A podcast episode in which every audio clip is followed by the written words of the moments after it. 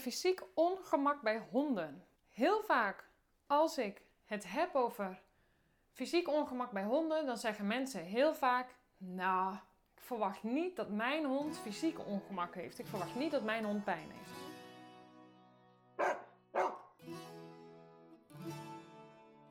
Hij rent nog, hij doet dit nog, hij is nog enthousiast, hij speelt nog of hij is nog hartstikke jong. Ik deelde er wat over op Instagram en ik merkte dat er zoveel me opkwam dat ik dacht: dit is een podcast. Ik stelde de podcast uit omdat ik er eigenlijk meer over wil vertellen. Um, in, in het algemeen ligt dit nog in het verschiet, want ik wil heel graag meer kennis geven over pijn bij honden. Het voelt ook met regelmaat als dweilen met de kraan open, want als we het niet zien, denken we dat het er niet is. Dat is wel iets te gemakkelijk gedacht, want je hoeft het niet altijd te zien. Een hond die pijn heeft, die niet meer wil dat jij weggaat, die piept, jankt, een wond heeft, uh, kreupel loopt, waarbij je duidelijk ziet er is iets aan de hand, uh, plotseling veranderend gedrag, is allemaal logisch. In ons mensenbrein kunnen we die allemaal plaatsen als deze hond is niet op zijn gemak, ik moet hier wat aan doen. Wellicht direct, wellicht kijk je het een tijdje aan, maar het is duidelijk dat, er, dat de hond iets aangeeft. Oké, dan zijn er pijnsignalen op verschillende manieren. En dit zijn duidelijke pijnsignalen, maar er zijn ook hele subtiele pijnsignalen die aangeven dat er iets zou kunnen zijn. Gedrag is er één van, dus er is een hulpvraag. Een superbelangrijke pijler is pijn. Want logischerwijs is het zo dat als je pijn hebt, je minder lekker in je vel zit en dat invloed heeft op jouw gemoedstoestand, humeur en dus je gedrag. Maar het kan ook zijn dat het letterlijke gedrag een gevolg is van pijn. Bijvoorbeeld die hond die bij je op de bank ligt, maar niet aangeraakt wil worden. Oké, maar stel je nou voor dat zijn lichaam zodanig gevoelig is dat hij, dat hij dat niet meer wilt. De hond met artrose, die stijf staat van de artrose, die gek wordt van de pijn, bang is voor de onvoorspelbaarheid van de kinderen die door huis denderen. Want stel je voor dat, dat in de buurt komt van zijn pijnlijke lichaam. Pijn. Pijn is super lastig. Ik zeg wel eens, het is een beetje een containerbegrip geworden. Want wat betekent pijn? En, zoals ik, ik heb dit op Instagram ook gedeeld, kan je de pijngrens van de hond vergelijken met die van de mens? Nou, ik denk het niet. Eigenlijk om verschillende redenen.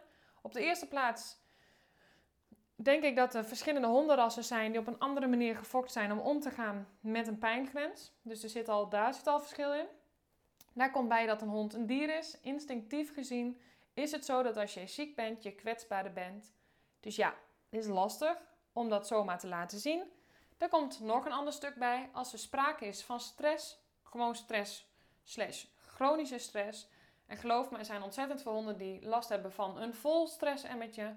Um, dan moet je eigenlijk meer weten over stress. Heel plat geslagen uitgelegd is het vaak zo dat als een hond veel stress in zijn systeem heeft, dat adrenaline, cortisol, noem het op, eigenlijk de pijn wat onderdrukken.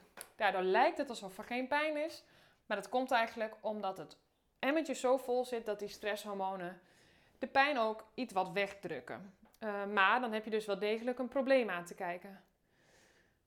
De vraag is ook, wat is pijn? Pijn kan zijn, ik sta stijf van de artrose. Pijn kan zijn, ik ben chronisch ziek. Maar pijn kan ook zijn, jongens, mijn spieren zitten vast. Mijn rug zit zo vast, ik heb er last van. Pijn kan zijn een wervel die verkeerd zit. Pijn kan zijn, jongens, die heupen achter mij, god, daar heb ik last van. Pijn kan snel ontstaan. Pijn kan ontstaan als, de, als je hond gespeeld heeft met een gezellige bulldozer, labrador, die net iets te wild in zijn spel inkwam. En wat moet de hond opvangen? Een klap. Pijn kan zijn, de hond vangt een bal uit de lucht en landt net verkeerd. Dus hoe je het ook wendt of keert, is pijn heel gemakkelijk te creëren. Dus idealiter zou, zeg ik altijd, zorg voor een jaarlijkse check bij, niet wat mij betreft direct je dierenarts, ook, maar de osteopaat of fysiotherapeut. Dus even heel algemeen ga je zeker kijken op dat level naar, hey, hoe zit het, hoe staat het ervoor, hoe zit je letterlijk in je velletje. Maar er zijn natuurlijk ook hele andere dingen. Want wat als er buikpijn is? Oké, maar dan heb je wat anders aan te kijken. Je hond heeft darmklachten. Hé, hey, oké, maar waar zit dat dan in? Pijn is lastig, want bij pijn is altijd de vraag: wat was er eerst? De kip of het ei? Zijn er fysieke klachten vanwege de hulpvraag of is er een hulpvraag vanwege de fysieke klachten? Daarmee bedoel ik dat op het moment dat er veel stress is, en dan stress in de breedste zin van het woord, maar het emmertje loopt vol, je hond komt continu in situaties waar hij iets van vindt. En om dit allemaal te begrijpen, begint het, heb je echt te maken met een stukje bewustwording. Heb je te maken met de lichaamstaal van honden, want in het algemeen zit hier veel scheefgroei. Dus de lichaamstaal van honden, dan doe ik op dat je kan herkennen hoe voelt de hond zich in bepaalde situaties. Gaat dit over iets positiefs of iets negatiefs? En klopte dat stickertje wat ik er altijd op plak, klopt die wel? Als we dan teruggaan naar pijn, wie was er als eerste, de kip of het ei? Dan kan het zijn dat dus door al die stress er fysieke hulpvragen ontstaan. Logischerwijs, want stress tast het immuunsysteem aan en zorgt voor minder weerbaarheid. Het kan zorgen voor spanning in het systeem, uh, spanning in de spieren, enzovoort, enzovoort. Gevoeliger voor ontstekingen. Nou ja, je begrijpt, kan je heel veel over zeggen. Maar als we de andere kant gaan aankijken, stel je hond heeft fysiek ongemak, dan kan het zijn dat daardoor hulpvragen ontstaan die optioneel en direct al zijn of er geleidelijk aan bij insluipen.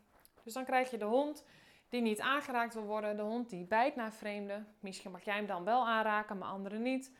De hond die steeds banger wordt voor geluid, angsten creëert, bang is voor onvoorspelbaarheid, reactief gedrag, moeite heeft met honden die aan hem willen snuffelen, want mijn achterhand doet zozeer, doe dat nou niet.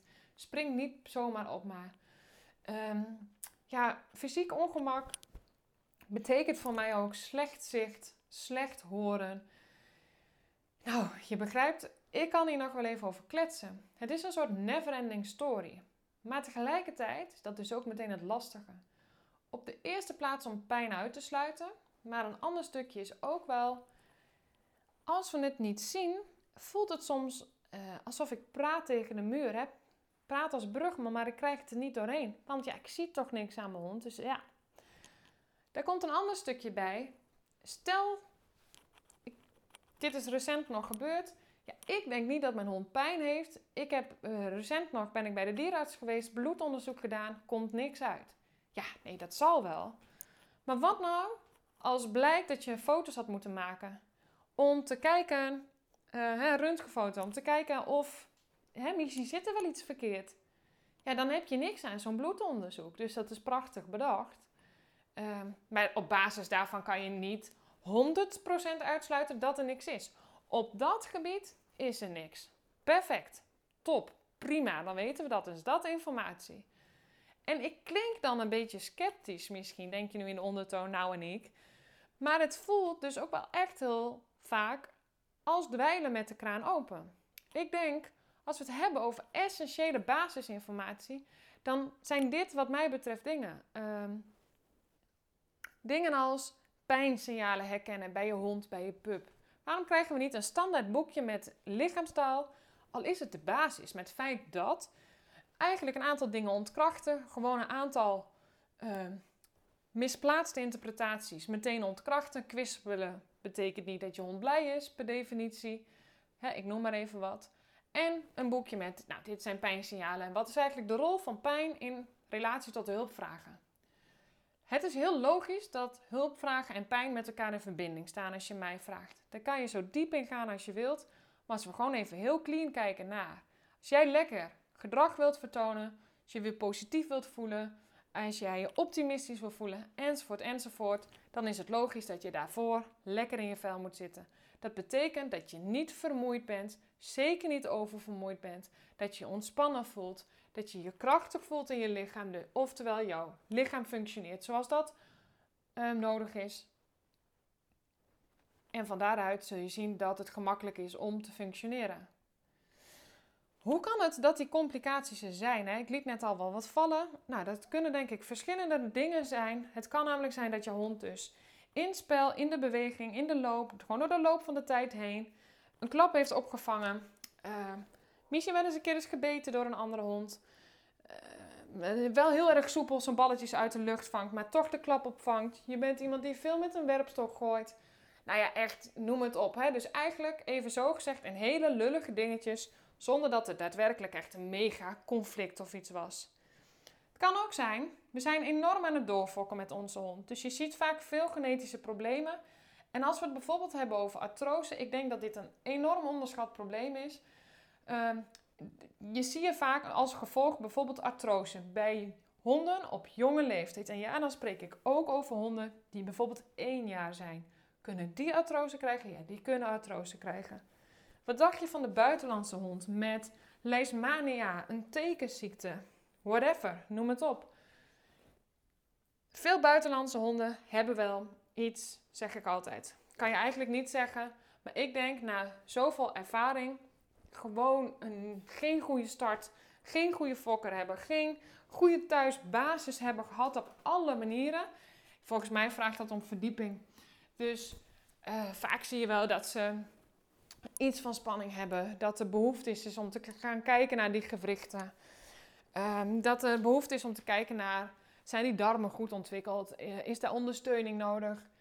Um, en ook zeker op dit niveau, de leishmania, de tekenziektes, nou ja, enzovoort, enzovoort. En ik noem echt nog een heel scala niet, ongetwijfeld. Dus ik benoem nu echt wat er even zo, hup, 1, 2, 3 in me opkomt. Pijn kan ik heel lang over praten. En daar wil ik heel graag meer informatie over geven, want ik denk dat het essentieel is. Pijn is lastig te herkennen en, dat, en tegelijkertijd niet. Want als jij je eenmaal bewust wordt van die pijnsignalen, waar ik nu niet al te diep op, op inga, dus zometeen komen er nog wel wat voorbeelden. Maar op het moment dat je de pijnsignalen gaat herkennen, ga je ineens zien hoe vaak je eigenlijk net als ik denk, weet je, ik zou even een checkie doen, want als je een check hebt gedaan, dan heb je in ieder geval die laag aangekeken. Waarom is dit voor mij trouwens zo'n belangrijk stuk? Omdat ik, heb, kijk, we hebben het over fysiek ongemak, of nee, we hebben het over, over het welzijn van de hond verhogen. Voor mij staat dat eh, heel erg centraal. En voor mij is het zo dat ik gewoon de hond wil zien, de hond in zijn kracht wil zetten. En een onderdeel daarvan is natuurlijk dat je het welzijn verhoogt op fysiek niveau, zodat je daar het meest optimale uithaalt. Dat betekent verandering in voeding, dat betekent vaak inderdaad optimaliseren van, ondersteunen met supplementen waar nodig. En ehm, ja, zo nodig een check of in welke vorm dan ook ondersteuning. Ik moest hier aan denken aan dit onderwerp, omdat ik deze week gewoon met een aantal dingen aan de slag was. Ik had wat kennismakingsgesprekken, ik had wat lessen van één op één trajecten. En zo had ik een mailtje binnengekregen en ik ben op dit moment bezig met een samenwerking met iemand die supplementen heeft voor honden met artrose. Eigenlijk ook vanwege het stukje. Er zijn zoveel jonge honden met artrose, maar we herkennen het helemaal niet. En ik had bijvoorbeeld, ik was bij iemand, die hond die was ontzettend veel de vloer aan het likken. In dit geval ging het om een buldogje. Um, nou, dan ben ik extra alert als we het hebben over fysieke welzijn, korte neus, Franse buldog. Uh, altijd veel complicaties, hoe je het ook went of verkeerd. Ook komt een hond bij een goede fokker vandaan, hoe je het ook went of verkeerd, zit die constructie vaak niet heel erg lekker in elkaar zoals je het zou willen. Een korte neus, hij is wel eens aangevallen door anderen. Hij is een keer aangevallen door een andere hond. Um, en hij liep, mij, hij liep mij te typerend. Dan kunnen we zeggen, buldogjes lopen typerend, want dat doen ze. Maar tegelijkertijd denk ik, ja, maar dat is, daar zit dus ook de scheefgroei. Dus we hebben iets aan te kijken. Het overmatige likken, dat deed hij deels op zijn lichaam. Des, in die tijd dat ik daar was, heeft hij heel vaak zijn rechterpoot gelikt. Daar was hij continu mee bezig. En hij heeft ontzettend veel aan de ramen of aan de vloer gelikt en soms aan het raam. Toen vroeg ik, was dit normaal? Nou, wel iets meer dan, dan normaal, maar ja, dit kon hij eigenlijk wel echt doen. Dat likken kan van alles zijn. Dus je kan nooit zeggen, er is maar één reden van probleemgedrag. Likken kan ook zijn, jongens, ik verveel me echt de pletter. Um, likken kan ook zijn, ik heb stress. Oké, maar waar komt dan de stress vandaan? Dan ga je naar het totaalplaatje kijken. Likken maakt bijvoorbeeld, hij doet meer, het zorgt voor de aanmaak van het, stress, voor, van het hormoon, niet stresshormoon, endorfine. Endorfine, mag je even platgeslagen uitgelegd, kan je dat wel een beetje vergelijken met morfine. Het kan pijnstillend werken. Als, je, als ik dan ga kijken naar het totaalplaatje waar ik mee te maken heb, vind ik hem te interessant. Er waren te veel dingetjes waarvan ik dacht: de hond wil niet, wil niet naar buiten, springt niet op de bank. Hij wil wel naar buiten trouwens, maar hij loopt niet gemakkelijk mee. Heeft hij van jongs af aan al niet gedaan. Als hij dan zit, zie je vaak ook een andere soortige zit. Waarbij hij een bepaald been op een bepaalde manier ontlast. Dus hij heeft niet zo zijn voetjes zo keurig onder zijn billen geplakt, even zo gezegd. Ehm, de hond likt veel. De hond heeft een allergie. Krijgt dan brokken van de dierenarts. Hij krijgt één keer in de zoveel tijd een spuitje. Waarmee eigenlijk het probleem... En deze mensen waren zich daar bewust van trouwens hoor. Maar het probleem onderdrukt wordt. Dus uh, er was veel stress. Ja, maar dan is wel de vraag... Wat is hier? Hè? Is het hoofdprioriteit of niet? En hier zou het wat mij betreft prima hoofdprioriteit kunnen zijn. Want ik denk dat het emmetje uh, al best wel vol zit. Omdat er gewoon continu fysiek ongemak is. Het is ook een hond die dingen ontloopt. Hè, bijvoorbeeld op de bank springen. Ja, voor mij zijn dat hele duidelijke signalen waarbij ik dit op zijn minst wil optimaliseren. In het geval van de Franse Bulldog zou ik dit sowieso zoveel mogelijk willen optimaliseren. En er scherp bovenop zitten, er kort bovenop zitten. Um, ik had een, andere, een ander voorbeeld van een hond um, tijdens een kennismakingsgesprek. Die is dan online, dus voor de hond verandert er niet zoveel in de setting. Uh, hond zat op schoot, was veel in het hijgen. En um, gewoon eigenlijk totaal niet logisch binnen de context. Ik bedoel, ja, het zou kunnen dat het stress oplevert. Veel honden hebben echt wel door dat we bezig zijn met hen. Dat er iets gaat veranderen, dat er misschien iemand komt. dit, zie ik heel vaak, dat mensen zeggen, nou het is net of ze weten dat je komt. Of hij is al de hele tijd onrustig, omdat we bijvoorbeeld een les hebben. Nou ja, weet je, uh, die hond was veel aan het hijgen. Een van de hulpvragen was, er waren verschillende hulpvragen. de hond heeft bijvoorbeeld moeite met in de auto zijn. Die hulpvraag is er altijd wel geweest. Dus dan draaien we de hoofdprioriteit even om. Maar de hond heeft er nog steeds moeite mee. En we zijn inmiddels echt wel een tijdje verder. Het feit dat het er vanaf het begin is, maakt niet dat ik denk, ah, dan is het er niet. Want, want ik bedoel, een puppy heeft dat niet. Een puppy heeft die hulpvragen niet. Een puppy kan ook fysiek ongemak en pijn hebben. Dus ja, kan wel zo zijn dat het er is. Um, een hond in een auto met probleemgedrag, in welke vorm dan ook. Nou, we denken vaak aan uh, wagenziek, reisziekte, logisch. Maar het kan ook zijn dat de hond inderdaad die zere gewrichten heeft, of wat dan ook heeft. Waardoor dat wiebelen in die auto helemaal niet fijn is, want je moet continu die klap opvangen. Dus ja, en met klap bedoel ik, als jij een bocht doorgaat, moet de hond zijn evenwicht houden. Ja, dat kan ongemakkelijk zijn of zelfs pijn doen. Er zijn heel veel verschillende dingen die maken dat je denkt: hé, hey, zou dit pijn zijn of niet? En meestal heb je dan ook met het totaalplaatje te maken. Maar ik denk een hond die moeilijk gaat zitten, dat ook moeilijk, moeizaam doet. Hè? Als jij dat van hem vraagt, dan zegt de hond is ongehoorzaam. Ja, is dat zo? Of zit er wat? Hond die bepaalde dingen ontloopt. Een hond die veel gaat zitten buiten. Een hond die niet graag besnuffeld wil worden door een andere hond. Moeite heeft met dat gedrag ook om dat sociaal keurig uit te voeren of oefenen. Een hond die reactief is, bijvoorbeeld naar mensen toe, niet geaaid wil worden, snel grond of zijn tanden laat zien. Ja, weet je, ik noem maar wat dingen, maar het zijn voor mij allemaal pijlers dat ik denk, dit is overduidelijk. En voor mij is het zelfs overduidelijk. Overprikkeling, eigenlijk hetzelfde. Bij puppies ook. Ik moet altijd denken aan een pup Waarbij ik voor een consult kwam, eenmalig. En wat mij betreft, en nog steeds, staan alle alarmen op rood. Allemaal rode vlaggen. Natuurlijk heb je altijd te maken met andere dingen. Dus op het moment dat er bijvoorbeeld pijn is, dan heb je eigenlijk per direct, zeker bij een pup, te maken met overprikkeling. Want dat emmertje is piepklein. Um, hond kan weinig hebben, er gebeurt al ontzettend veel. En dan heb je ook nog pijn. Pijn zorgt er eigenlijk altijd voor dat je in dat emmertje al een veel groter laagje hebt waarvan je, waarvanuit je werkt. Dat betekent dus dat je emmertje van nature al voller zit. Op het moment dat je aan de slag gaat met pijn, zul je dus ook zien dat incasseringsvermogen groter wordt, want je hond kan meer aan. Want je haalt er een laagje uit. Ik denk dat er enorm onderschat wordt en ik, ik denk dat het bericht heel helder is, maar dat er gewoon echt enorm onderschat wordt wat fysiek ongemak doet en op welke laag je dan spreekt. We hebben het over ernstige fysieke en zelfs chronische klachten. Als gewoon klachten, jongens, ik, mijn schouders zitten vast, mijn heupen zitten vast, die wervel die zit niet lekker. Um, dat kan dus op allerlei verschillende soorten en lagen zitten. En ik moet ook heel eerlijk zeggen dat ik daarin niet alleen maar op basis van wat de dierenarts daarover zegt mijn pad bewandel. Soms doe ik een second opinion bij, de, bij een andere dierenarts. Ehm, niet alle dierenartsen zijn altijd even goed. Ik denk dat we ontzettend aan symptoombestrijding doen op het reguliere niveau. Denk aan de hond die gewoon standaard voer van de dierenarts krijgt, wat vaak helemaal niet per se kwalitatief gezien goed is. Daarmee zeg ik ook absoluut niet dat het niet zou kunnen, maar er valt wel veel over te zeggen. En de hond krijgt gewoon een prikje en allergie is er niet meer. Want ja, eh, een allergie is niet grijpbaar. Maar ook bij allergieën is de vraag, laat ik zo zeggen, bij allergie uitziende klachten is de vraag: is, dat, is het zo dat de hond daadwerkelijk allergisch ergens voor is? Of zijn deze klachten er als gevolg van dat volle stressemmertje, maar heb je totaal wat anders aan te kijken? Wordt het hier ingewikkeld van?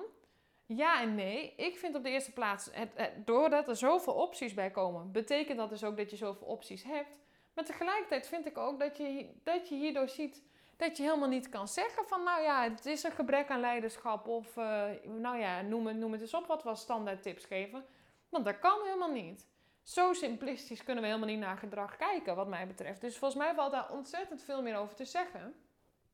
En als ik ook kijk naar hoe was ik ruim zeven jaar geleden begon met mijn werk als hondencoach, dat denk ik nu ook wel eens. Ik bedoel, dit is inherent aan het leerproces en, en inherent aan ervaring krijgen.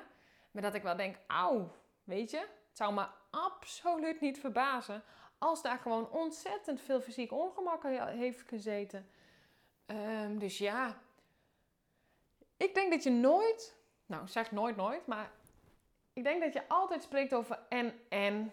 En dat je nooit volledig kan spreken over of of. Dus dat het alleen maar ontstaat door dat.